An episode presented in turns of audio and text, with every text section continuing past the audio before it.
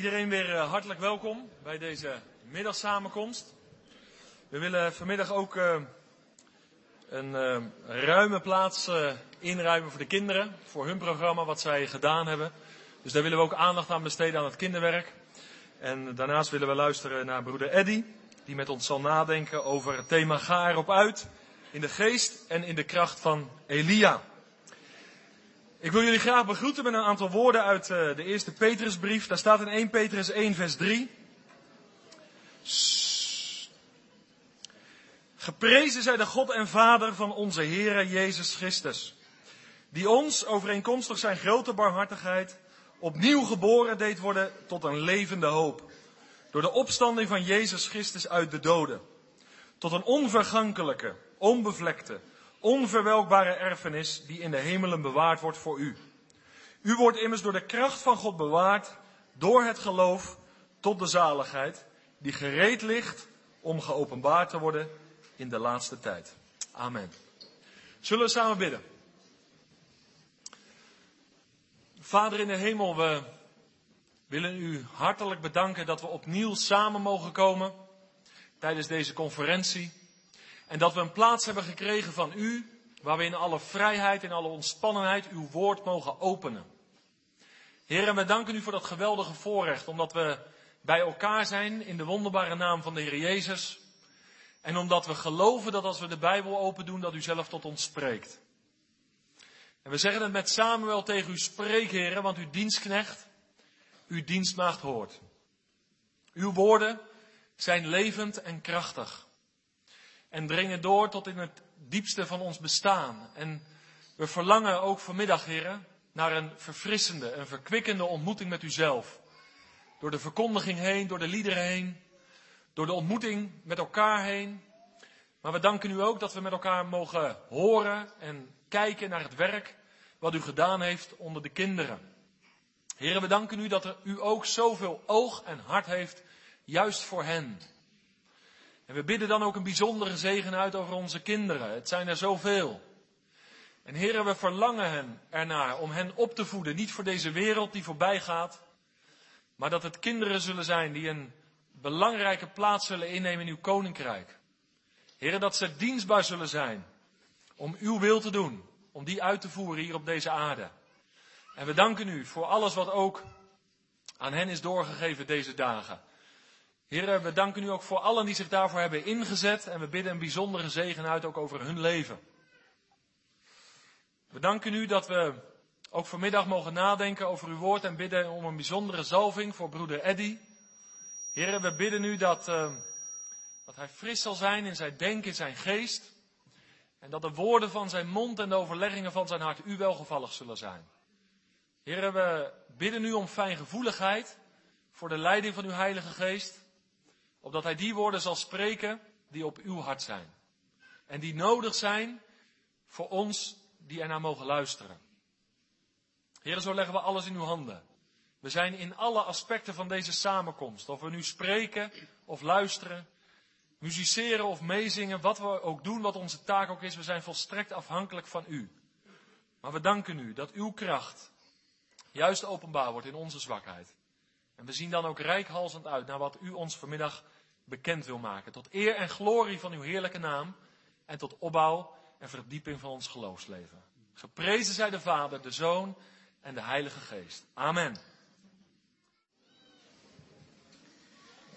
Goedemiddag allemaal. Uh, we zijn uh, heel dankbaar dat we iets mogen delen van het uh, kinderwerk wat we gedaan hebben op deze conferentie. Ehm, we zijn heel dankbaar eh, nou ja, voor het vertrouwen dat jullie hebben gehad om jullie kinderen aan ons over te geven. En dat we met hen het woord hebben mogen delen. We hebben nagedacht over het thema worden zoals de Heer Jezus. Ehm, en dat is gebeurd aan de hand van de vrucht van de geest. Um, gisterenmiddag hebben we een ontspannen programma gehad. Daar zal Kees iets over vertellen. En daarna willen we graag um, aan jullie de foto's laten zien van de kinderprogramma's van de peuters en van de oudere kinderen tot en met groep 8. De kinderen kunnen nog even rustig blijven zitten, zodat ze ook mee kunnen genieten van de foto's van misschien wel zichzelf. En eh, nou, als ik het aangeef, dan kunnen straks de kinderen naar voren komen. Kees, eerst.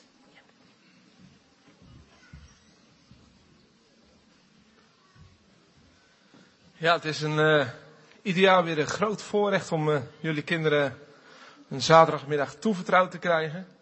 Het verwondert me ieder jaar weer dat jullie het nog aandurven. Dus dat getuigt ook wel van de moed die jullie bezitten. Volgens mij zijn ook alle kinderen weer teruggekomen, tenminste voor zover ik kon zien. Um, maar we hebben een, een ontzettend leuke middag gehad. Ik kwam eigenlijk op het idee, meestal loop ik hier zeg maar uh, zo'n zaterdagmiddag rond. En dan zit ik eigenlijk over te denken, joh, wat, wat ga ik volgende conferentie uh, organiseren? En uh, ik ben eigenlijk begonnen met die stormmaan, die hadden wij al binnen onze gemeente een keer uh, gehuurd. Ik denk, nou, dat is, dat is een mooie basis en daarvoor dan proberen dat uit te bouwen. Dus ik kwam eigenlijk op het uh, thema Wilde Westen. Cowboys. Um, alleen tot mijn schrik kwam ik er om een uur of half twaalf, twaalf uur gistermiddag achter dat we geen 80, 90 kinderen die we meestal hebben, maar we hadden er gisteren 125. Dus dat was in allerijl een beetje het programma aanpassen om wel in ieder geval al die kinderen ook, ook tot hun recht te kunnen laten komen. Nou, ze hebben verschillende activiteiten ondernomen. Zoals gezegd, de stormbaan, die, eh, die staat denk ik bij de meeste, stond hij op nummer 1. Uh, ze hebben broodjes gebakken. Nou, in sommige scheld een bakker en sommige waren echte koekenbakkers. Uh, ja, dat waren toch wat, uh, lekker doorbakken broodjes, moet ik zeggen. Marshmallows hebben ze gemaakt. Uh, touwtrekken, al dan niet met hulp van de leiding. Ze hebben paard gereden. we hebben wat vis proberen te vangen door middel van een, van een spel. En we hebben, om, om wat ruimte te creëren, hebben een voetbalspel in ertussen gelast. Is heel goed om even de foto's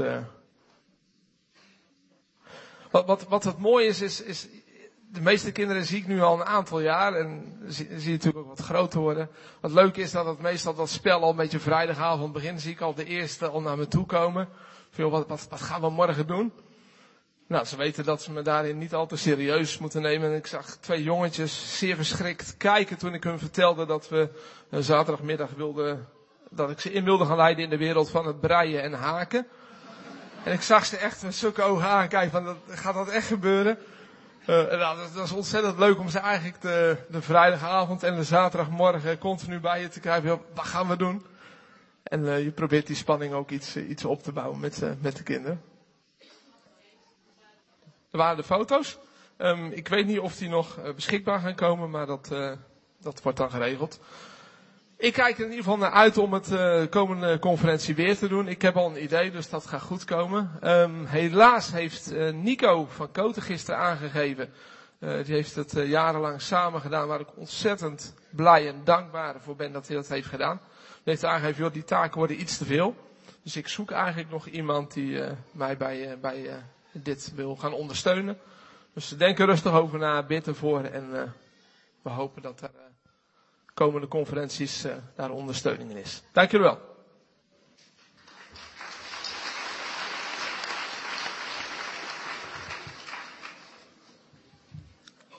Ik mag wat vertellen over uh, de peuters.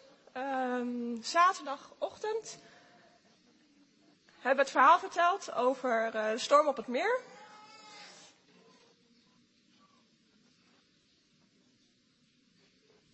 Ja, daar zijn de foto's.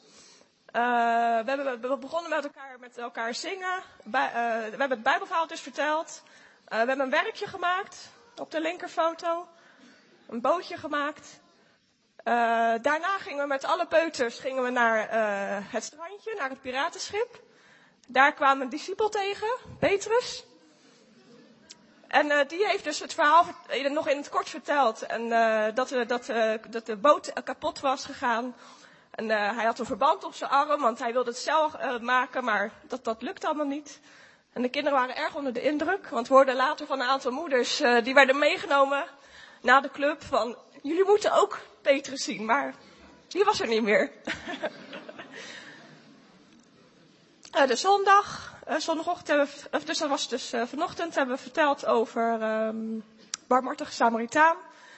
we hebben een EHBO-doosje versierd.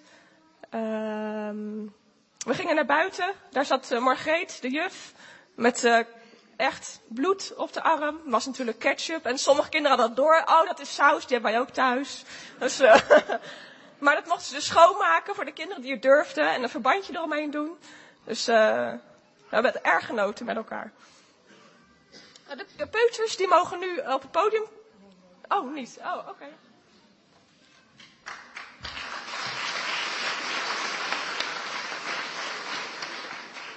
Dit is uh, groep 1 tot 4. Die heeft uh, nagedacht over het stormen op het meer en de barmhartige Samaritaan. In groep uh, 1, 2 zie je nu de volgende twee dia's zijn van groep 1, 2. Die hebben vandaag ook nagedacht over de vruchten of de werken van het vlees en de vrucht van de geest. En dan mochten ze de dingen op het kruis plakken die, niet, ja, die God eigenlijk niet wil in ons leven, maar die we dan aan Hem mogen geven de volgende dia. Daar zie je dat ze het spel ook nagespeeld hebben. In hoeken hebben we uh, nagedacht over de barmhartige Samaritanen. Ze mochten uh, verband omwikkelen. Ze hebben ook een uh, EHBO-doosje gemaakt. En op de volgende dia, in groep 3, hebben we dus het verhaal nagespeeld van de storm op het meer buiten. Ze mochten harde golven maken. En binnen mochten ze met een bootje wie het snelste bootje aan de overkant kon blazen met een rietje. Dat was erg leuk. En de laatste dia, daarin zie je dat ze vanmorgen uh, de barmhartige Samaritaan nagespeeld hebben. En uiteindelijk hebben we dus ook uh, ja, met elkaar weer nagedacht over de werken van het vlees en de vruchten van de geest. En de kinderen mochten allerlei plaatjes opplakken op het zwarte blad, wat eigenlijk haat was. En aan deze kant de liefde. En uiteindelijk hebben ze het zwarte blad bij het kruis gebracht. En ze zaten allemaal op een rode hart. En toen kon ik hem vertellen van, als je dat bij de Heer Jezus brengt, dan wil de Heer Jezus in je hart komen. En we hadden een heel mooi gesprekje en aan het eind vroeg ik aan hun, wie wil nu, uh, wie wil God dat je lief hebt? En toen zeiden ze aan het eind, uh, mijn vriend en mijn vijand. En toen zei ik, en waarom dan je vijand? Omdat hij dan mijn vriend kan worden. En een ander vulde aan, omdat we hem dan het evangelie kon, kunnen delen. En dominee van Kampen had een, uh, een vrijdag over de liefde van God verteld. En die had van die mooie evangelisatiekaartjes gegeven van het Zwarte Hart en het Rode Kruis. En die hadden we allemaal in hun EHBO-doosje gestopt. En die hadden ze helemaal versierd. En onder het werkje zei ze, heb jij ook een kaartje? Heb jij ook een kaartje? En uh, ja, zo zag je echt het verlangen in het hart dat deze kinderen ook het evangelie willen delen. En sommige kinderen vonden het moeilijk om te zeggen, ja, ben ik wel een kind van God? En die zijn echt aan het, ja, die zijn aan het nadenken gezet. Ze zaten op een kussen en ze hebben allemaal gehoord. God houdt van je en God wil dat je met je verkeerde dingen bij hem komt. En één iemand zei, die wilde het vanavond met zijn moeder naar de Heer Jezus gaan. En dan denk ik, moeders, bevraag je kinderen, zeker van groep drie, want eens brachten de moeders hun kinderen tot Jezus. En uh, zou het mooi zijn dat als jij als moeder je kind zo bij Jezus mag brengen. Maar we hebben in ieder geval gezien denk ik, dat de helft van de groep al bij Jezus gebracht is. En daar ook echt vrijmoedig van getuigde, van wie God voor hen was. Oh, sorry. En ik wil nog één bedankje geven aan Arenda. Even de dia terug. We hebben gehad over de vrucht van de geest. En Arenda had voor groep 1 tot en met 4 voor elke groep elke vrucht van de geest gelamineerd. En ik wil echt haar hartelijk bedanken, want toen de kinderen vanmorgen bij ons uh, het thema liefde hadden en wij zeiden de vrucht van de geest is liefde, dan kwam gelijk de hele riedel van de andere tekst erachteraan. Dus ze hebben hem ook echt geleerd.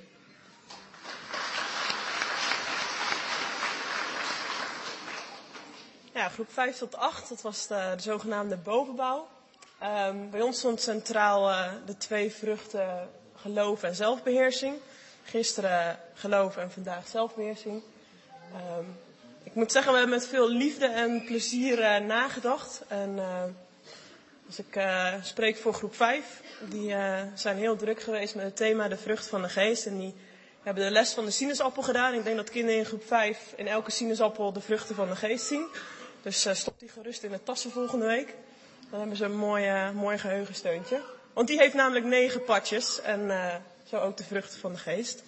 Um, en de tweede dag hebben zij um, um, een uh, verwerking gemaakt, zoals jullie die daar linksonder ziet, uh, waar de quiz bij hoorde. ja, ik begreep van veel groepen dat uh, veel aandacht en rust was. En uh, waren met kleine groepjes, dus dat is ook altijd fijn. En uh, kinderen deden heel erg goed mee, dus uh, dat mag best een applausje waard zijn, denk ik zo. Um, als ik spreek voor groep 6, waar ik zelf een van de gelukkigen was om voor te staan. Um, ja, we hebben de eerste dag een telescoop gemaakt om het oog gericht te houden op de Heer Jezus. En een zogenaamde vruchtenboom, waar de kinderen zelf vruchten mochten uitknippen en eraan hangen. En vandaag het verhaal over de verzoeking in de woestijn. Aanleiding van zelfbeheersing. En zelfbeheersing kan natuurlijk gaan om, om woede en jezelf beheersen, maar het gaat zeker zoveel over verleidingen en blijven staan. Om ja, staande te blijven als de duivel een aanval op ons doet. En hoe je de Bijbel kunt gebruiken zoals de Heer Jezus dat ook deed. vandaag hebben we magneetjes gemaakt koelkastmagneetjes. Uh, nou, geknutseld met elkaar, gezongen en ja, heel, uh, hele fijne morgen gehad. Um, in groep 7, 8 hebben ze heel praktisch uh, invulling gegeven aan het thema uh, zelfbeheersing en dat gaat Krijn uh, delen. Ja, dat zien jullie al op, op het scherm staan. Um, we hebben ook over geloof en zelfbeheersing nagedacht. En ja, dat ging heel mooi met de kinderen. En uh, als verwerking hebben we ze een aandenken laten maken dat ze er thuis over na kunnen denken. Dus kunnen ze op de bureautje zetten of in huis. En uh, een houten kruis met erop de woorden geloof en uh, ja, zelfbeheersing, maar er konden ook de andere woorden op staan. En nou, dat was, dat was heel mooi. We hebben ook even die les gedaan met, met de sinaasappel, met de partjes erin. En ook kinderen gevraagd van welke zou u nou het liefst uh, willen hebben? Welke, welk stukje van de vrucht, zeg maar. Dus uh, al die kinderen kwamen wel met een, uh, met een bepaalde vrucht. Maar ze hebben ook de kinderen verteld dat eigenlijk als de Heilige Geest in je hart komt, dat hij eigenlijk al die vruchten gaat uitwerken in hun leven. En nou, vandaag ging het over, over zelfbeheersing. En over de, het verhaal van de verzoeking in de woestijn met de Heer Jezus. En uh, ja, we moeten eigenlijk uh, u nog wat opbiechten, want u kunt de kinderen wel aan ons uh, toevertrouwen, maar we hebben ze eigenlijk in verleiding gebracht. En we hebben ze proberen te verleiden en er zijn er ook een paar bezweken. we hebben eigenlijk een soort wedstrijdje gedaan. je ziet het hier al, dat meisje, die heeft een marshmallow in haar hand. ze moesten drie spelletjes doen, dat was eigenlijk een wedstrijd die het eerste klaar was. Ze moesten eigenlijk stroken papier geknipt, negen stroken met de vrucht van de Heilige Geest op, moesten ze zo snel mogelijk door dit bordje heen weven. En de letter Z van zelfbeheersing moesten ze uit het papiertje uitscheuren. En uh, ze kregen, per kind kregen ze één marshmallow, maar die mochten ze niet opeten. En uh, nou, er zijn er twee bezweken voor de verleiding. Die hebben uh, opgegeten en niet gewonnen dus. En toen hebben we later nog even erop teruggegaan van hoe moeilijk was dat? Of, om, die, om die marshmallow te laten liggen. En nou, de, meer dan de helft van de groep die vond het erg moeilijk. En er waren ook een paar kinderen die hadden hem eigenlijk al bijna in de mond. En uh, ja, twee waren erop gegeten. Maar goed, ik hoop dat jullie ons dat vergeven dat we de kinderen in verleiding hebben gebracht. Dus uh, dat uh, was denk ik een beetje.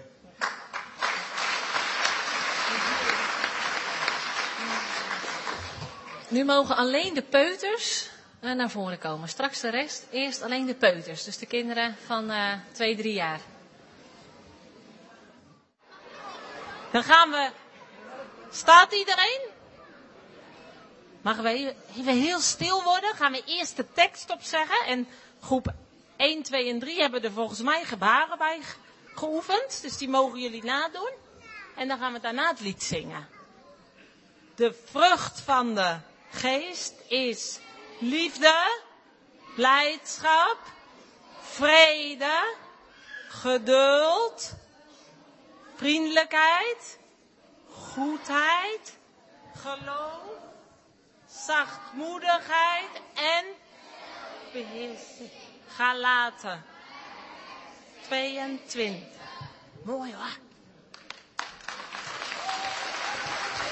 Hey, wil jij deze dan even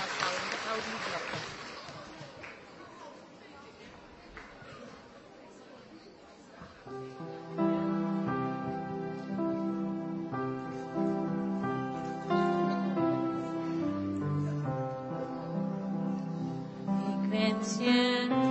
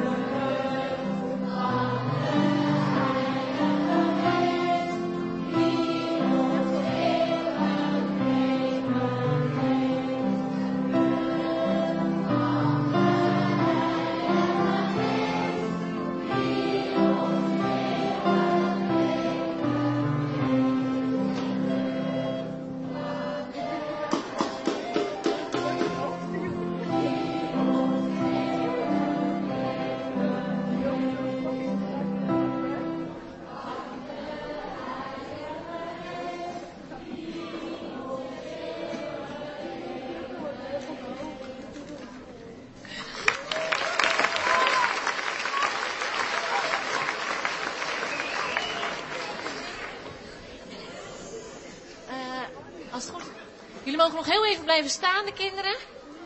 Dan gaat er nog iemand met jullie bidden.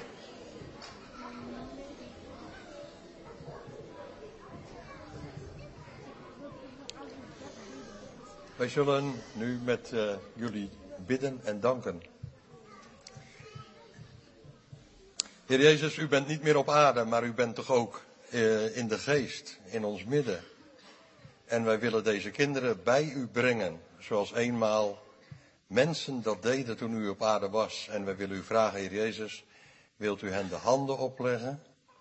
Wilt u hen in uw armen nemen? En wilt u hen zegenen? Allemaal één voor één. Dat vragen wij van u. Met vrijmoedigheid, omdat wij weten dat u kinderen lief hebt. En wij vragen dit u uit genade. Amen. Ik heb er uh, zo'n verlangen naar dat ik uh, vruchtbaar mag zijn in het koninkrijk van God. En dat ik, uh, ja, dat mijn vrucht mag blijven. Het is een van de redenen die, iets dat mij voortdurend aandrijft om, om steeds te zoeken naar de wil van de Heer, om steeds te kijken, Heer, wat moet er in mij veranderen? En, en hoe kan, we, kan ik mijn, mijn werkwijze ook beter maken om effectief te zijn voor u? Um, ik geloof vrucht dragen is iets wat wij op twee manieren doen. Het is prachtig het thema voor de kinderen en dan ook het werk met de kinderen. Het is, uh, het is de ene is ja, vrucht dragen is in jezelf, dat vrucht van de Heilige Geest. En de andere dan de vrucht dragen door je heen in andere mensen.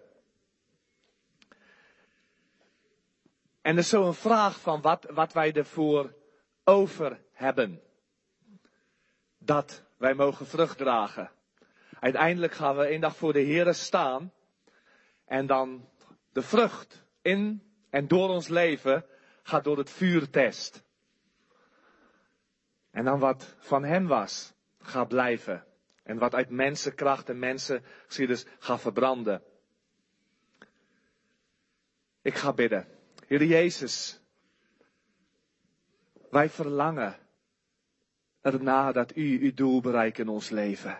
Wij verlangen erna in onze eigen leven, maar we verlangen ook in de mensen met wie U ons mee in contact brengt. Heren, wij, wij, wij kunnen niet zonder U. U hebt aan uw discipelen gezegd, wacht in Jeruzalem. Totdat de Heilige Geest je harten vervult. Zonder uw geest kunnen we het niet, heren. En heren, vanmiddag wil wij spreken over ga erop uit in de geest en de kracht van Elia. En ik, ik bid u, heren, ik bid u dat vanmiddag door uw genade, dat uw geest ons zal bekrachtigen, dat uw geest ons zal vervullen, dat uw geest ons zal moed maken, onze harten bewegen, dat uw geest de liefde Waar we deze weekend over spreken, de bevrijdende kracht van de liefde van God. Dat uw geest de liefde Gods in ons harten zal uitstorten. Zodat we hier vandaan zal gaan naar deze weekend in de kracht, inderdaad, en de geest van Elia. Want ook de kracht en de geest die hij had, heren, was van u. Ik bid u, heren, wil u ons leiden in Jezus' naam. Amen. Jezus Christus zei in Marcus 8, vers 34.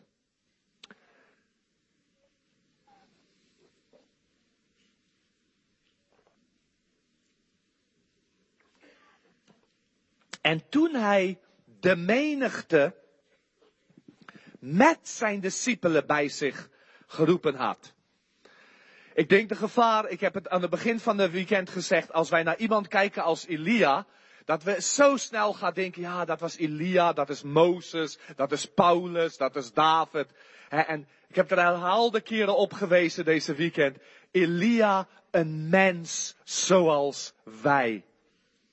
Een mens zoals wij. Je ziet, het ligt namelijk niet aan Elia of aan Paulus of aan de David, maar aan de God van Elia. En die God is iets op zoek naar mensen. En als Jezus dan iemand roept, als Jezus mensen roept, dan, dan staat hier, hij zegt, toen hij de menigte en zijn discipelen. riep. Hij riep niet alleen de twaalf, maar hij riep de hele menigte ook. En hij zei tegen hen, laat wie achter mij aan wil komen, zichzelf verloochenen, zijn kruis opnemen en mij volgen. Want wie zijn leven zal willen behouden, die zal het verliezen. Maar wie zijn leven zal verliezen om mij en om het evangelie, die zal het behouden. Want wat baat het een, mens als hij de hele wereld wint en aan zijn ziel schade leidt? Johannes 12, vers 24 zegt Jezus iets soortgelijks. Voorwaar, voorwaar, ik zeg u. Als de tarwekorrel niet in de aarde valt en sterft, blijft hij alleen. Maar als hij sterft, draagt hij veel vrucht.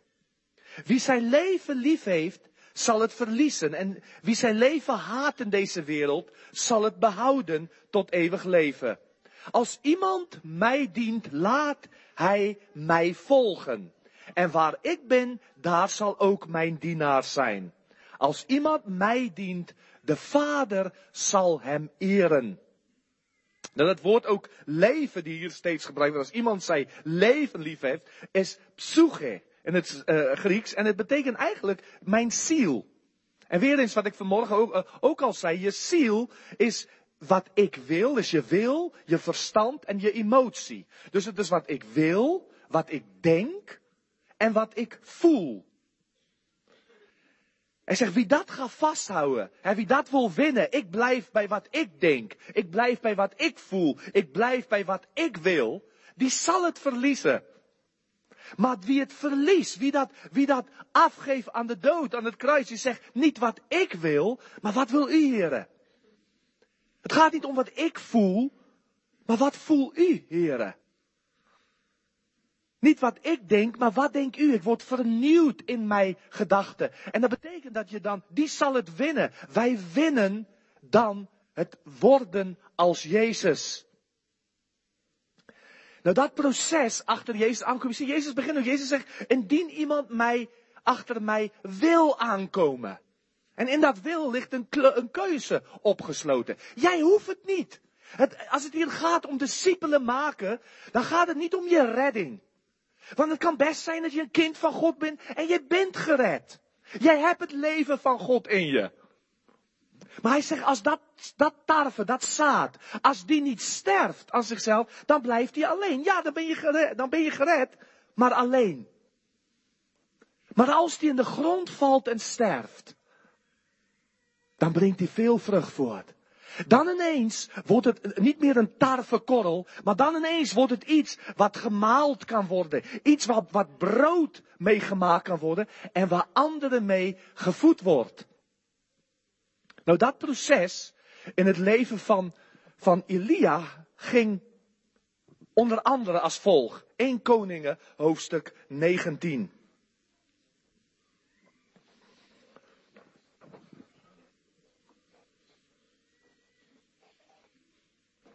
1 Koning hoofdstuk 19 en vers 19. En hij ging daar vandaan en trof Elisa, de zoon van Safat, aan. Deze was aan het ploegen met twaalf span runderen voor zich uit. En hij bevond zich bij het twaalfde. Elia ging op hem af en wierp zijn mantel naar hem toe. Hij verliet de runderen, snelde achter Elia aan en zegde, laat mij toch mijn vader en mijn moeder kussen. Daarna zal ik u volgen. En hij zeide tegen hem, ga, keer terug, want wat heb ik u gedaan? Zo keerde hij van achter hem terug en nam een span runderen, slachtte ze en kookte hun vlees op het hout van het juk van de runderen. Hij gaf dat aan het volk en zij aten. Daarna stond hij op, volgde Elia en diende hem. Is eigenlijk een, een, een prachtige gebeurtenis hier.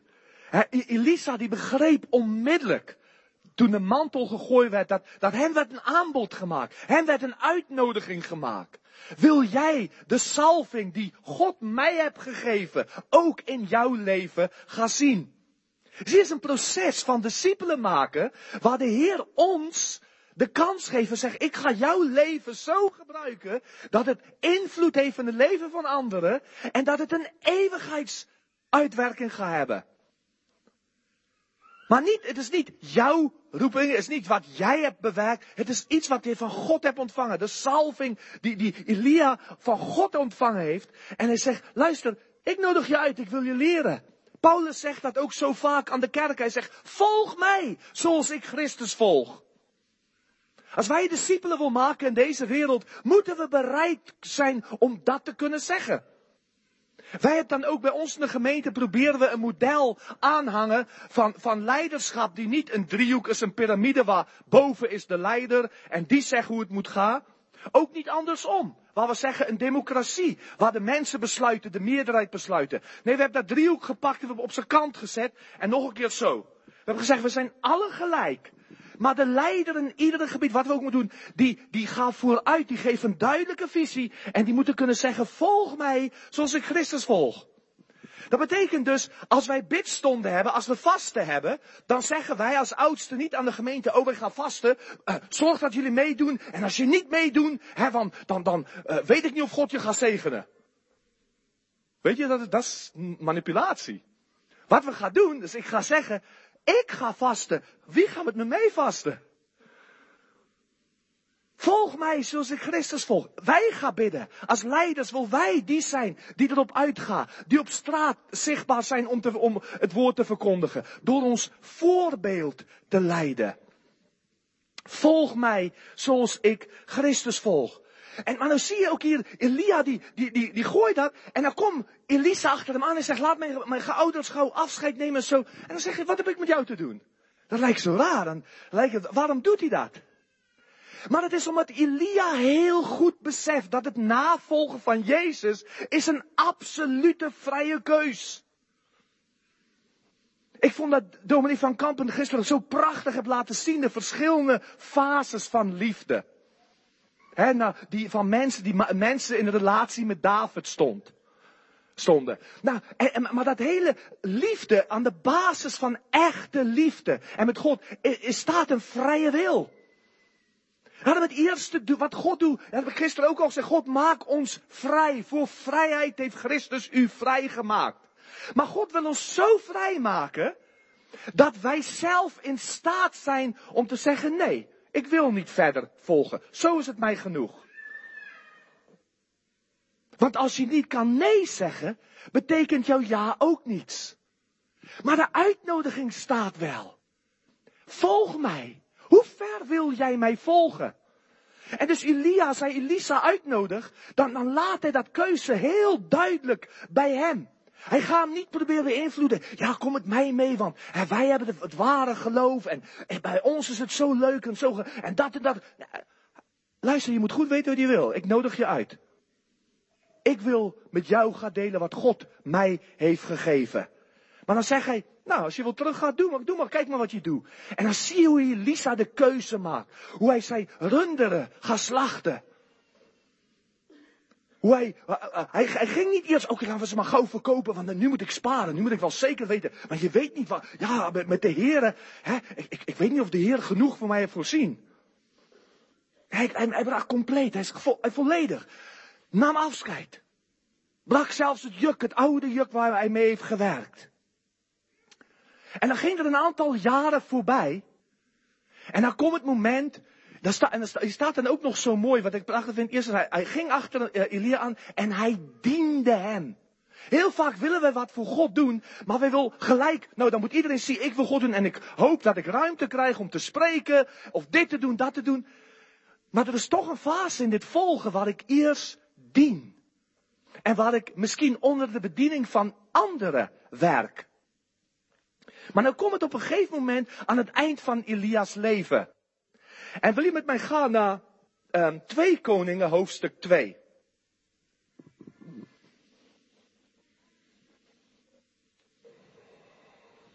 Twee Koningen hoofdstuk 2.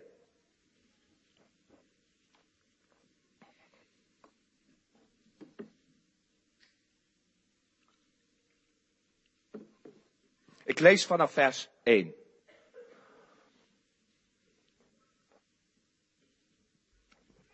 Het gebeurde nu, nu toen de Heere Elia in een storm zou opnemen in de hemel, dat Elia met Elisa uit Gilgal wegging. Elia zeide tegen Elisa, blijf toch hier, want de Heere heeft mij naar Bethel gezonden. Maar Elisa zeide, zo waar de Heere leeft en uw ziel leeft, ik zal u niet verlaten. Zo gingen zij naar Bethel. Toen kwam de leerlingprofeten die in Bethel waren de stad uit, naar Elisa toe en zeiden tegen hem, weet u dat de Heere heden uw meester van u zal wegnemen? En hij zei, ik weet het ook, zwijg erover. En Elia zei tegen hem, Elisa, blijf toch hier, want de Heere heeft mij naar Jericho gezonden. Maar hij zeide, zo waar de Heere leeft en uw ziel leeft, ik zal u niet verlaten. Zo kwamen zij in Jericho. Toen kwam de leerlingprofeten die in Jericho waren naar voren, naar Elisa en zeiden tegen hem, weet u dat de Heere u heden, heden uw meester van u zal wegnemen? En hij zeide, ik weet het ook, zwijg erover. En Elia zei tegen hem, blijf toch hier, want de Heere heeft mij naar het Jordaan gezonden. Maar hij zeide, zo waar de Heere leeft en uw ziel leeft, ik zal u niet verlaten. Zo gingen zij beiden verder. Het is, het is een bijzondere verhaal weer eens. Weer eens iets wat, wat ik geloof waarin veel lessen verstopt zijn die wij misschien niet eens tijd hebben om op in te gaan. Maar, maar de hele proces van het navolging. Dat steeds weer, weet je, het is ook, het is ook iets dat, dat God gaat niet met ons om als, als robots. En, en het, is, het is niet zo dat God niet, dat God zegt, nou ja, als jij niet absoluut iedereen van jullie alles verkoopt wat je hebt en alles gaan iedereen mee naar Afrika op zendingwerk, dan hou ik niet van jou. Dat heeft er niets mee te maken. God heeft ons gered. Hij houdt volkomen van ons. Maar nu komt de vraag. Hij zegt, mag ik jouw leven gebruiken om weer anderen te bereiken? En die keuze laat God volkomen in ons handen. Wij kunnen niet meer van zijn liefde verdienen. Maar het gaat hier ook een beetje wat Dominee van Kammerdal gisteren zei, dat je, hoe je zelf groeien en je eigen liefde voor God. En hoe dat tot uitdrukking komt in je leven. Hoe ver ben je bereid te gaan? Weet je, beginnen hier bij Gilgal. Nou, dat zou kunnen verwijzen bij Gilgal. Toen ze over uh, uh, door Jordaan kwamen uit de woestijn, hebben ze daar die twaalf stenen gemaakt in een cirkel. En zo is Gilgal ontstaan. Dus bij het begin. Hè, bij het begin al dat, dat roepen waar, van dat begin, het de begin van het navolgen. Daar gaat Elisa met Elia mee. En dan komt al de keuze. Blijf toch, je hoeft niet mee te komen. Maar dan gaat ze en dan zegt hij, hij gaat naar Bethel. En, en het is de eerste plaats waar hij naartoe gaat, naar het begin. Nou, Bethel is het huis van God. En ik geloof dat het zo belangrijk is in onze navolging van de Heer om je plaats te vinden in een levend plaatselijk gemeente. Het is een reuze uitdaging in Europa. Maar weet je, in Europa zijn er meer dan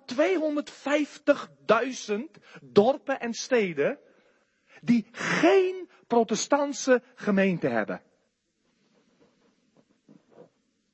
Hoe zal mensen het zien? Hoe zal, hoe zal gezinnen in problemen? Gezinnen waar, waar de crisis zijn in de familie. En iedere familie gaat door zijn crisissen, dat weten we. Maar hoe, waar kunnen zij naartoe? Om iemand te vragen, waar is voor hun een, een stad op een berg dat ze kunnen zien en zeg maar, ik heb gehoord dat daar mensen levens veranderen. Laten we gaan kijken. Dit is zo'n belangrijke deel van het grote opdracht. Daarom dat je ook ziet hoe Paulus en, en, en de apostelen de grote opdracht uitvoeren. Gingen zij, ze volgden de Heer na.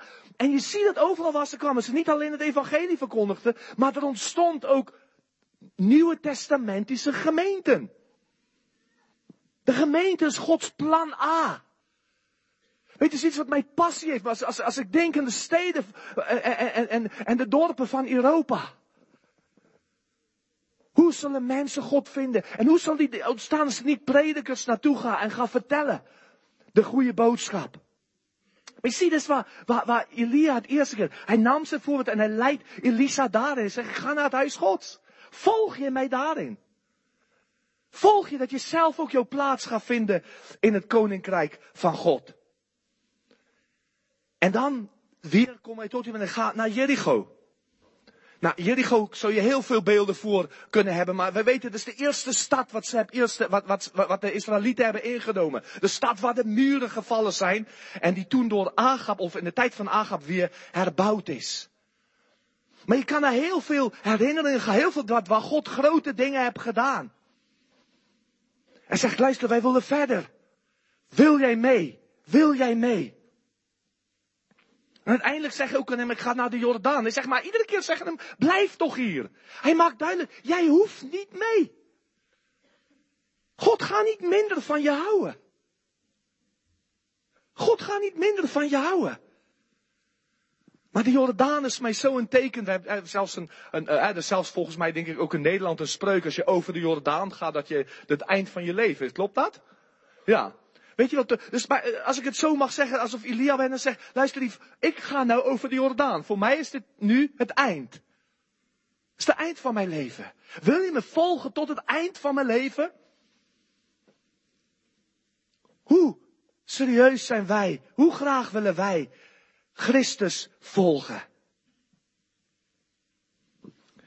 Weet u, voor mij was dat een grote uitdaging in Zuid-Afrika. Ik, ik, had mij, ik had mij beroep en, en aan mij werd gezegd, werd gezegd van Eddie, jij bent uh, uh, registeraccountant, jij moet onder de zakenmannen gaan werken. En toch voelde ik Gods roep, roeping om dat los te laten. En ik, ik moest niet dat doen omdat hij meer van mij gehouden. Ik kon ook in Zuid-Afrika werken. Maar ik voelde zijn roeping. Wil je mij volgen? Wil je gaan waar ik jou ook naartoe leid? Wil je dat?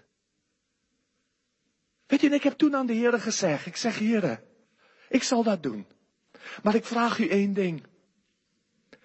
Ik wil u vragen dat er tenminste één meer ziel in de hemel zal zijn. Alleen omdat ik dat gedaan heb.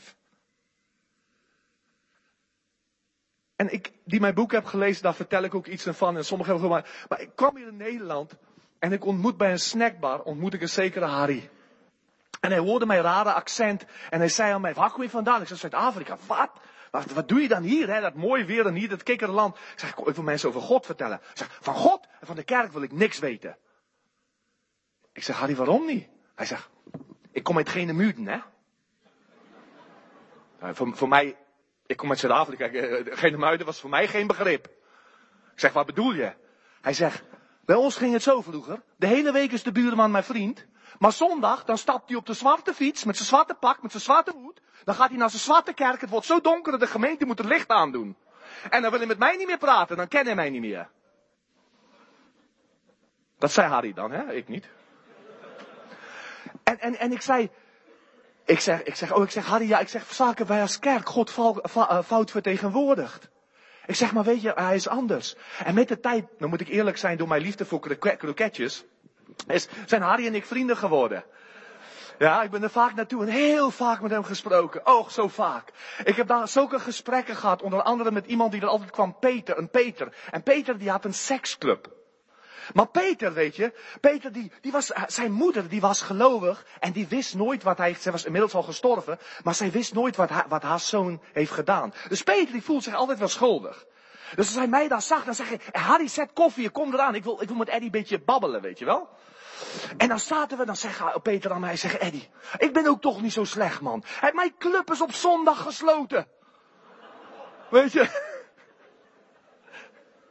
Maar goed, die Harry die zei oh, verschillende dingen. Zei Harry vertelde mij over hoe hij Christen zag. En overal vertelde ik dat. En overal ik preekte, ging mensen voor Harry bidden. Nou, het duurde dus zeven jaar. En toen kwam Harry tot bekering. Hij moest door ja, drama in zijn leven, maar hij kwam tot bekering op een radicale wijze. En ongeveer vijf jaar geleden of vier jaar geleden ging hij met, mij naar Zuid-Afrika en ik ging vertellen aan mensen dat ik aan God gezegd heb. Als er maar één meer ziel in zal zijn. En niemand heeft voor mij die ziel zo vertegenwoordigd als Harry. En ik kon dat in de gemeente vertellen, daar in Zuid-Afrika, een paar gemeenten zeggen, vandaag is hij in uw midden. En dan stond Harry op en gaf zijn getuigenis. En vier maanden later is hij overleden. Weet je, er zijn heel veel Harry's in Nederland. Er zijn heel veel Harry's in Europa. En de vraag is, hoe ver zijn wij bereid achter de Here aan te gaan, te sterven aan onszelf, opdat wij vrucht dragen? Ik wil u zeggen, het is de moeite waard. De Heer heeft ons deuren geopend naar Indië, waar we niet om hebben gevraagd. Nou, een man en een vrouw die begonnen daar met de, uh, onder de 95% Hindoes in de tweede armste provincie begonnen ze evangelie te verkondigen met kinderbijbels. En ik kwam mensen tot bekering, ontstond gebedsgroepen. De gebedsgroep ging groeien, stelde ze een leider aan. Ging nog verder groeien, werd een gemeente. Inmiddels heeft hij 47 voorgangers en leiders. En ze hebben over de 100 gemeenten gesticht. Met niets. Met niets. De armste onder ons vandaag is een rijke daar. En vorig jaar gingen we naartoe en die man zei, alsjeblieft Eddie, alsjeblieft, kom en help mij om die leiders op te leiden. Mensen zijn belangrijk voor God, weet je. God heeft geen plezier aan de dood van een goddeloze. Volg mij.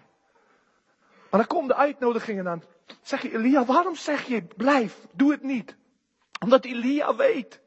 Het moet een liefdeskeuze zijn. Het moet uit het hart komen. Het moet zeggen, ik wil het.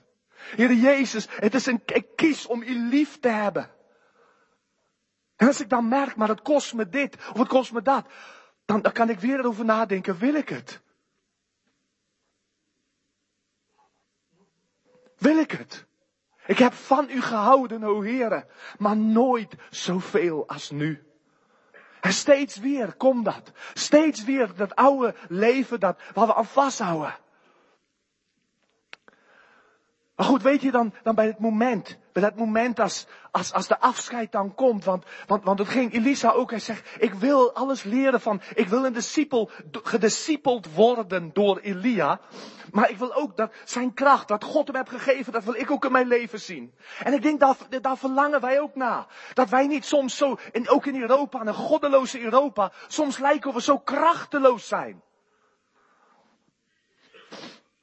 En dan, dan staat er, dan staat er eh, in vers 8, 2 Koningen 2 vers 8, er staat, toen nam Elias zijn mantel, rolde hem op en sloeg het op de water. Er werd naar beide zijden verdeeld. En zij gingen er beide door, over het droge. Het gebeurde nu toen zij overgestoken waren, dat Elia tegen Elisa zei, vraag mij wat ik voor u zal doen, voordat ik van u weggenomen word. Elisa zei, laat mij toch twee delen van uw geest op mij mogen zijn.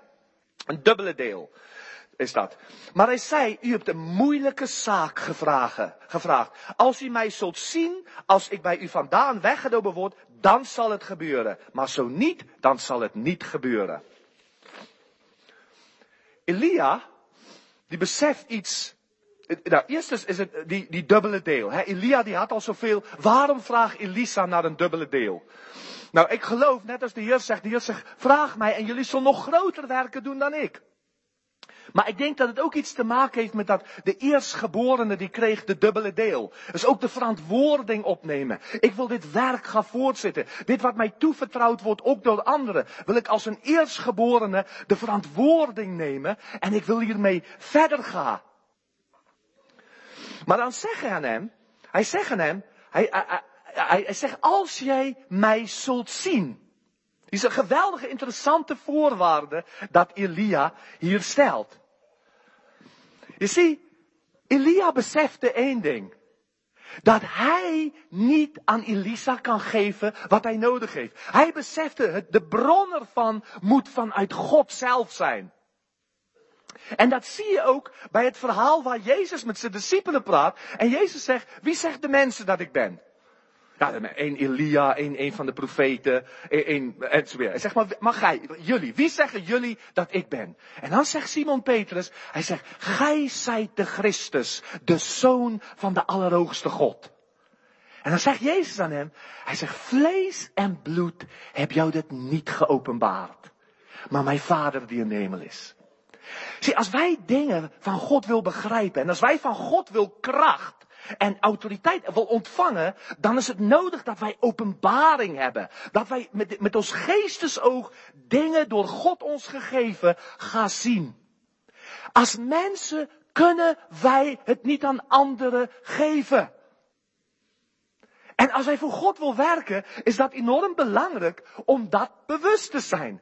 Want, want jij kan proberen getuigen en jij, denkt, je praat op die mensen in en je probeert ze te overtuigen, maar er gebeurt niks. Ik was, onlangs ben ik weer gaan golf spelen. Dat gebeurt mooie dingen als je af en toe kan golf spelen. Maar ik, ik was bij Bad Bandtime. En ik zat na die tijd, ik altijd, wat ik doe, als ik mensen wil getuigen, dan, ik wacht op een gelegenheid. Je zegt iets en dan kijk je of er iets terugkomt. Nou, soms zeg ik iets meer provocant. Ik was een keer in Zuid-Afrika op die kabelbaan bij Kaapstad. En hij gaat een kilometer hoog. En toen zo in de midden was, toen zei ik gewoon aan de man naast mij. Als dit ding nu naar beneden gaat, dan ga ik naar boven. Waar ga jij? Weet je wel? Maar, maar goed. Soms, soms ga ik het minder provocant zeggen. Soms, gewoon, soms gaan gewoon mensen praten en wat doe je? En, en, dan, en, en dan als ze zeggen, ja, nou, ik kom uit Zuid-Afrika. En als ze me vragen, nou, waarom ben jij uit Zuid-Afrika gekomen? Nou, dan zal ze het weten ook. Ja? Dan gebruik ik dat, dan geloof ik dat God ze in mijn hand geeft. Dus, kijk, dus de Heer zei aan Elia, vertoon u aan Agab.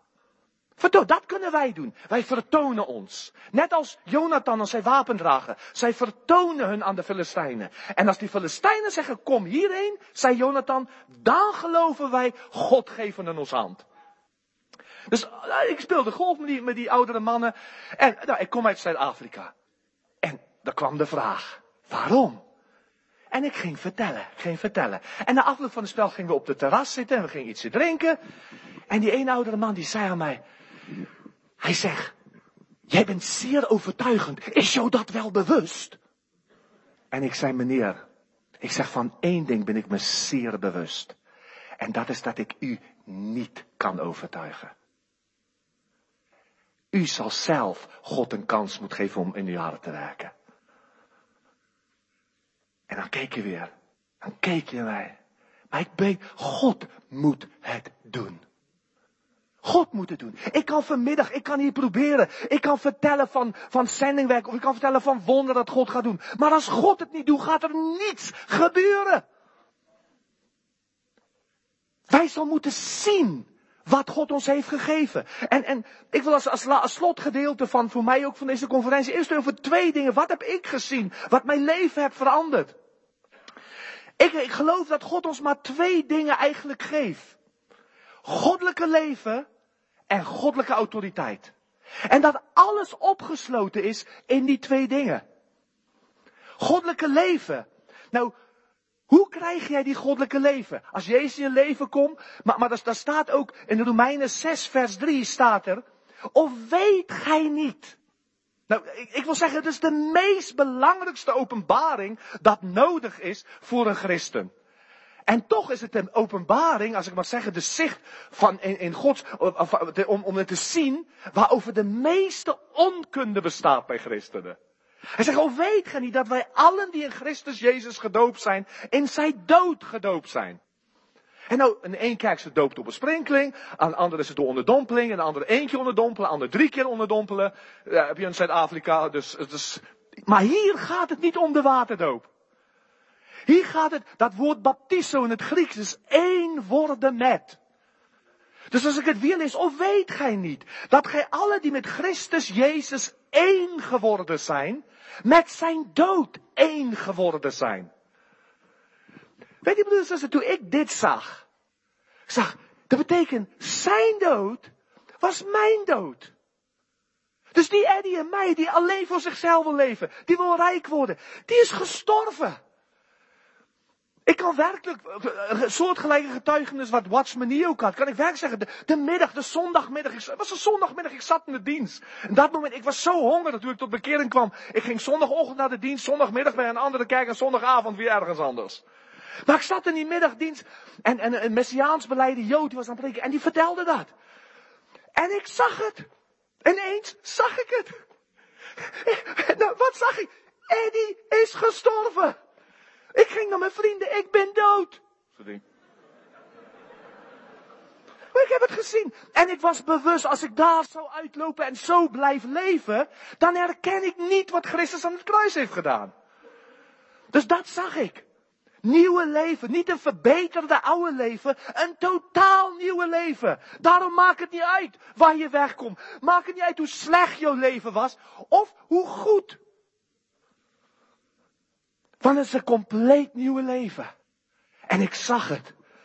Ik zag het. En daarom vers 6 van Romeinen 6. Dit weten we toch. Dat ons oude mens met hem gekruisigd is, opdat het lichaam van zonde te niet gedaan zou worden. Je ziet, Elisa heeft iets hiervan gezien. Want Elisa, hij, hij slachtte die runderen. Hij verbrak dat oude juk. Hij zegt, die oude leven van mij is voorbij. Niet, ik ga het even opbewaren. Hey, papa, mama, wil jullie even doen het aan de schuur daarachter? Want ja, je weet nou niet echt of het misschien of het gaat lukken. Het is wel een rare kerel die Elia, hoor. Dus bewaar het maar even, even voor de zekerheid. Dat klinkt me meer op een Ananias en Safira gedachte. Maar goed, goddelijke leven. Hoe krijg jij die goddelijke leven? Door de dood van het oude. En hoe meer dat zijn, zijn gestalte in ons gaat vinden, hoe meer ik mijn leven verlies, hoe meer komt het goddelijke leven in mij naar voren. Het tweede dat ik, dat ik, dat ik moet zien, lees ik in Matthäus hoofdstuk 8. Matthäus hoofdstuk 8 en ik lees vanaf vers 5. Toen Jezus Capernaum binnengegaan was, kwam een hoofdman over de honderd hem toe. En zeide tot en smeekte hem, Heere, mijn knecht ligt verlamd thuis en lijdt hevige pijn. En Jezus zeide tegen hem, ik zal komen en hem genezen. De hoofdman antwoordde en zei, Nee, heren. Hij zegt, ik ben niet waard dat u mij onder mijn dak komt. Maar spreek slechts een woord en mijn knecht zal genezen zijn. Want ook ik ben een mens onder het gezag van anderen en ik heb soldaten onder mij. Ik zeg tegen de een ga en hij gaat. Tegen de ander een kom en hij komt. Tegen mijn slaaf doe dat en hij doet het. Toen Jezus dit hoorde, verwonderde hij zich en zei tegen hen die hem volgden. Voorwaar, ik zeg u, ik heb zelfs in Israël zo'n groot geloof gevonden. Ik kan niet ophouden, iedere keer, als ik deze tekst lees, om zelf verwonderd te zijn. Dat Jezus van iemand zegt, in heel Israël heb ik zo'n groot geloof niet gevonden. En als wij hier vandaan wil gaan, en wij willen dat ons geloof groot is, dan moeten we dit zien wat deze hoofdman heeft gezien. Dan moeten we dit zien, want Elisa heeft dat ook gezien. Maar, maar wij moeten, wat heeft deze hoofdman gezien? Deze hoofdman heeft gezien hoe goddelijke gezag werkt. Hij zag de gezag die Jezus had, maar, maar dan zegt hij niet, nou ja, u hebt die gezag van de Vader ontvangen en weet je wel, en de Vader geeft misschien die beetje meer dan die. Hij zegt nee, hij zegt aan Jezus, hij zegt, ook ik ben een mens, zegt hij, onder het gezag van anderen. En daarom heb ik ook onder mij, ik heb ook anderen die een zegt ik ga en hij ga. Kom en hij komt, doe het en hij doet het. Maar het sleutel is, ook ik ben een mens onder het gezag van anderen. Jij kan niet gezag hebben, tenzij dat je zelf onderworpen bent aan gezag. Je ziet, nou daar houden we niet van, want in Nederland doen we graag iedereen wat, wat we zelf willen. Maar zelfs in de geestelijke wereld, in de geestelijke wereld, onderwerp u aan God. En dan biedt weerstand aan de duivel. En hij zal van u vlieden.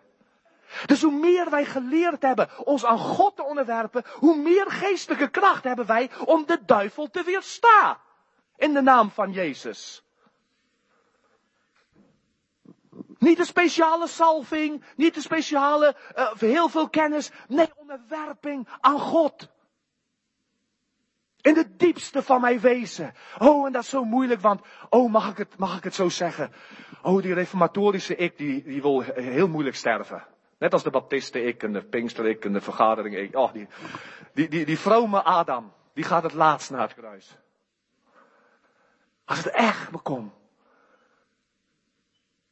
Wij moeten leren ons te onderwerpen. En weet je, het is moeilijk voor onze zielen. Want Adam heeft dat karakter van de duivel aangenomen. Die een die heeft gezegd, ik zal mijzelf verhogen. Ik zal mijn troon stellen, mij gelijk aan de Allerhoogste maken. Daar gaat het om. Wij denken ons, ons leven gaat succesvol worden als we maar een hogere positie hebben. Hogere titels. Dan hebben we macht. Dan kunnen we dingen doen. En in Gods koninkrijk werkt het net andersom. Je krijgt leven door de dood. Je krijgt gezag door onderwerping. Ik spreek niet over ongezonde onderwerping. Hoor niet wat ik, alsjeblieft niet wat ik niet zeg. En ik heb ook, God deelt heel hard met het misbruik maken van gezag. Maar over gezonde onderwerping. Wat wij nodig hebben in Gods koninkrijk is duidelijke, maar dienende leiderschap. Dienen waar de een de ander hoger acht dan zichzelf. Waar we ons aan elkaar onderwerpen. In de vrees des Heren. Maar hoe praktisch onderwerpen jou? Ik vind dat, dat, wat Jezus zegt in Lucas 16, dat prachtig uiteen uh, zet. In Lucas 16 vers 10 zegt hij, wie trouw is in het minste, is ook in het grote getrouw. Wie onrechtvaardig is in het minste, is ook in het grote onrechtvaardig. Dus het eerste is, hoe ga ik om met het, met het kleine? Hoe ga ik om met die stag, zachte stem van Gods geest?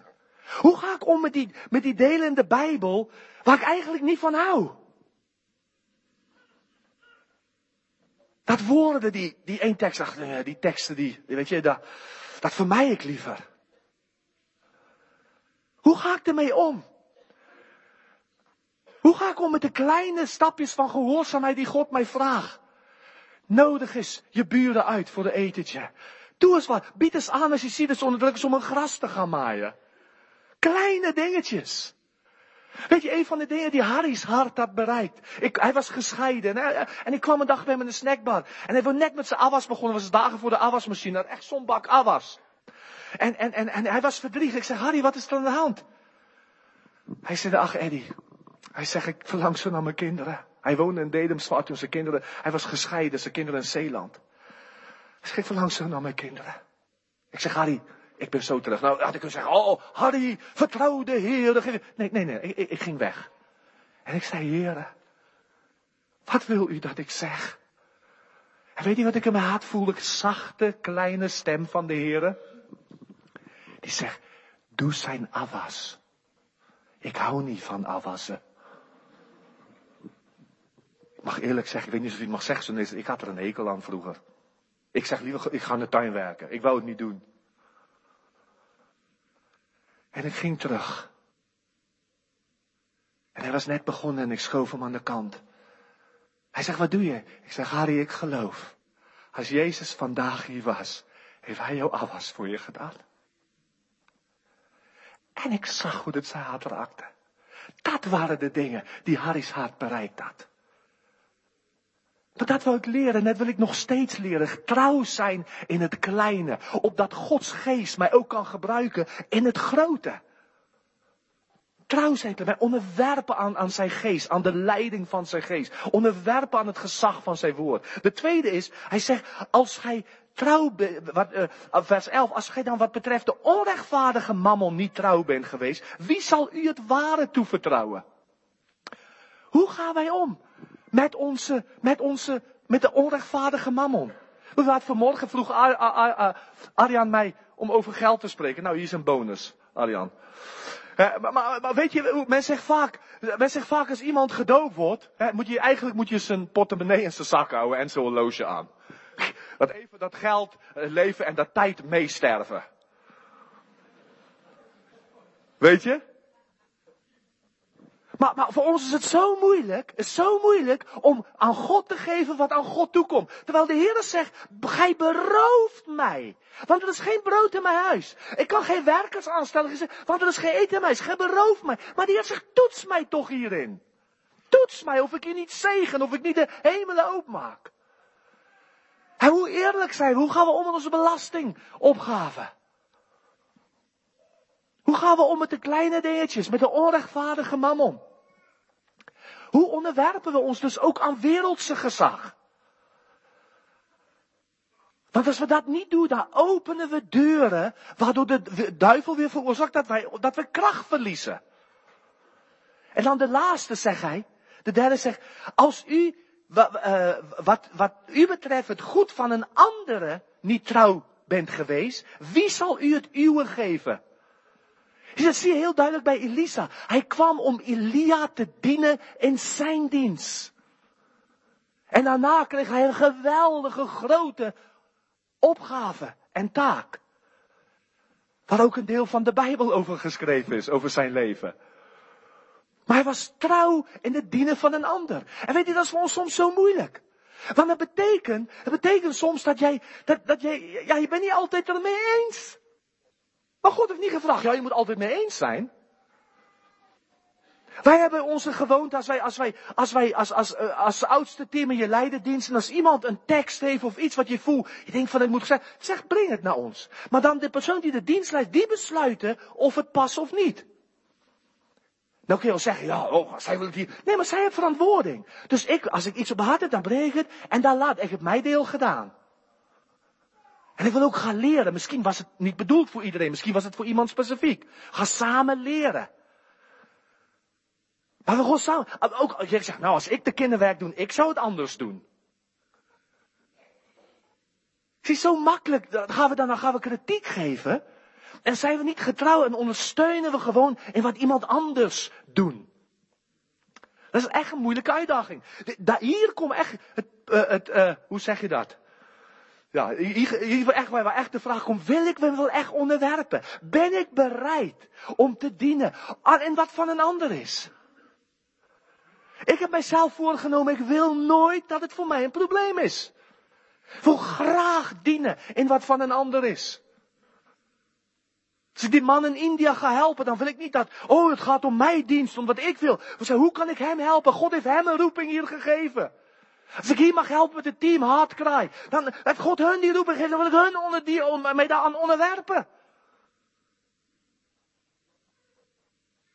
Dan mag ik ervaren dat God kracht geeft, dat God vrijheid geeft. Dat ik mag groeien in goddelijke gezag. Mag ik u vragen vanmiddag, wat ziet u? Heeft u gezien dat dat oude leven is gestorven in Christus? Heeft u gezien dat hij alleen gezag heeft onder zijn gezag? Of we eigenlijk stiekem gewoon ons eigen dingen doen? En weet je wat dan gebeurt? Dan staat in 2 Koningen, hij, zag het Elisa en dan staat er in 2 Koningen 2 vers 14.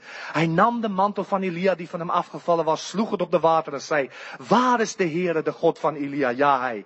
Hij sloeg het water, het werd naar beide zijden verdeeld.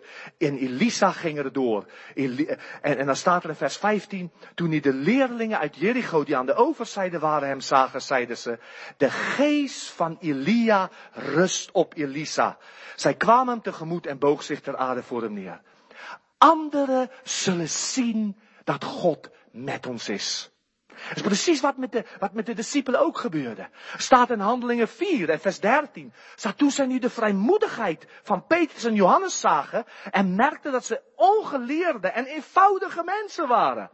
Verwonderden zij zich en zij herkenden hen als mensen die met Jezus samen gewezen waren. Is dit niet wat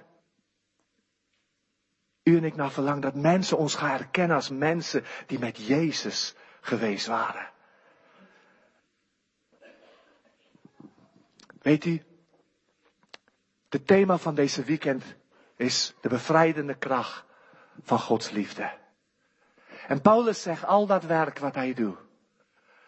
Doe hij maar door uit één motivering uit. Niet omdat hij moet. Ja, dat is een, hij voelt dat eh, als prediker, hè, dat, dat in je, dat, wee mij als ik het evangelie niet verkondigt. Maar weet je wat hij zegt? Hij zegt in, in, in 2 Korinther 5 vers 14, zegt, hij zegt, de liefde van Christus dringt ons. Wat drijft de Elisa om zo achter Elia aan te gaan? Weet je, het was de liefde voor God. hij heeft gezien dat God met die man was. En hij gezegd, ik wil mijn Heer navolgen zoals hij dat doet. Volg mij zoals ik Christus volg. Hij zegt, ik wil het. Zijn hart werd gedreven door een brandend hart van liefde. De liefde van Christus dringt ons, zegt Paulus, dat wij tot dit oordeel gekomen zijn. Dat één voor alle gestorven is. Ja, Christus voor alle gestorven. Maar, zegt hij, ook zijn allen dus gestorven. Dus iedereen mens. Eén, iedereen. Alle mensen. Betekent dat dat iedereen gered is? Nee. Maar dat betekent wel dat de mogelijkheid bestaat voor iedereen om gered te worden. Maar ze moeten dit gaan zien. Ze moeten alleen gaan zien dat oude leven is in Christus gestorven. En dan staat er in vers 15, en hij is voor allen gestorven, opdat zij die leven niet meer voor zichzelf zouden leven, maar voor hem die voor hen gestorven is en opgewekt. Daar verlang ik naar. Daar verlang ik naar. Dat mijn leven mag vrucht dragen. Weet je, we zijn begonnen deze weekend met Romeinen of, of Openbaring 12. En we hadden over, over de overwinning van de gelovigen op het rijk der duisternis. En er stond, er stond, en zij hebben hem overwonnen. Door het bloed van het lam. Het bloed van het lam. Dat alle aanklacht wegneemt. Dat u en ik vrij zijn. Er is niets wat ons kan terughouden. Wij zijn vrijgesproken door Christus bloed aan het kruis. Dit overwinning wordt zichtbaar, hebben we gezien, door het woord van ons getuigenis. Doordat wij ons niet schamen, doordat wij ervoor uitkomen, wordt het zichtbaar. Dus het begint met de, met de naam van Jezus, de bloed van Jezus, en dan de naam van Jezus op onze lippen. Begint met het bloed van Jezus, wordt zichtbaar met de naam van Jezus op onze lippen. En dan staat er, en zij hebben hun leven niet lief gehad tot in de dood. De volkomen overwinning over de rijk der duisternis wordt voleindigd door de karakter van Jezus in ons leven. Dan kom hij, maar hij heeft niets aan mij, zegt Jezus. En dan kan de duivel bij jou en bij mij komen, hij heeft niets aan ons. Maar wij zijn in Christus, de oude is gestorven. En we zijn onder de gezag van God. We hebben ons onderworpen aan zijn gezag in iedere situatie waar wij komen. En dan merken we de gezag van Christus om hem te weerstaan. En broeder en zuster, dan ga u en jij en ik, eenvoudige mensen, gaan we uit in de geest en de kracht van Elia. Gedreven door de liefde van Christus. En vele Harry's zullen tot geloof komen. Laten we samen bidden.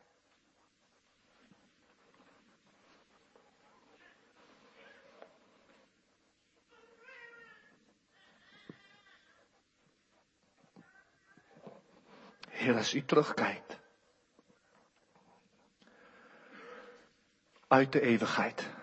En uit als ik het zo kan zeggen, uit de toekomstige eeuwigheid en u terugkijkt op deze tijd, op de aarde. Heren, dan, dan bidden wij dat het een tijd zal mogen zijn van oosten. Een tijd van het oost binnenbrengen. Een tijd waar vrucht gedragen worden, heren. Een tijd waar mensen bereikt worden voor het koninkrijk omdat, omdat u een volk heeft gevonden. Die u lief heeft, heren. En die met brandend hart erop uitgaat. En hunzelf aanbiedt, hunzelf vertonen.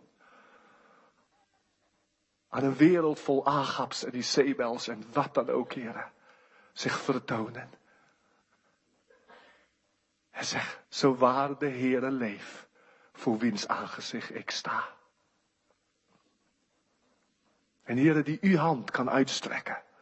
Die uw woorden kan spreken. Die gaan luisteren naar de zachte stem van uw heilige geest. Niet zich gaan schamen om dat wat in het hart gehoord is. In de binnenkamer gehoord is te gaan verkondigen van de daken. En ga zien hoe u machtig werkt. Heere God, ik bid om de vervulling van uw geest. Ik bid om de uitstorting van uw geest in onze harten. De liefde van Christus. Dat die ons zal dringen, Heere. Tot ereverheerlijking van uw naam. Zegen zo in iedereen, Heere. als we van hier gaan. Wij willen niet gaan zonder u. Hier zijn we, heren. Hier ben ik. Ik wil niet blijven, ik wil u blijven volgen. Ook als u iedere keer vraagt, wil u niet hier blijven? Nee, heren. Als Elisa wil ik steeds verder tot het einde. Totdat u komt, Jezus. Geprezen zij uw naam. Amen. We willen, net als gisteren, een eh, vervolg geven aan deze boodschap. Het is zo dadelijk om eh, half zes uh, eten we met elkaar, staat de maaltijd klaar. Maar ik stel voor dat we tot vijf uur um, ons weer in kleine groepen in de zaal verdelen. Zoek op mensen op die in je omgeving zitten. En het is goed dat we wat we vanmiddag gehoord hebben, dat we dat overdenken, dat we met elkaar dat bespreken. Maar dat je middels die groepsbespreking nu ook tot de praktijk kan komen. Ik lees twee versen waar Eddie mee is begonnen. Het eerste vers was Johannes 8, vers 34. Misschien is dat goed dat je dat even opschrijft. Johannes 8, vers 34. En daar, of sorry, Marcus 8, dankjewel. Marcus 8, vers 34. En daar staat, toen hij, de Heer Jezus, de menigte met zijn discipelen bij zich geroepen had, zei hij tegen hen, laat wie achter mij wil komen zichzelf verloochenen en zijn kruis opnemen en mij volgen. Dat is de eerste tekst die hij noemde. En de tweede tekst, de bekende tekst uit Johannes 12. Johannes 12, vers 24, die kan je ook even opschrijven. Ook die bekende woorden over de tarwekorrel. Voorwaar, voorwaar, ik zeg u, als de tarwekorrel in de niet in de aarde valt en sterft, blijft hij alleen. Maar als hij sterft, draagt hij veel vrucht. Wie zijn leven lief heeft, die zal het verliezen.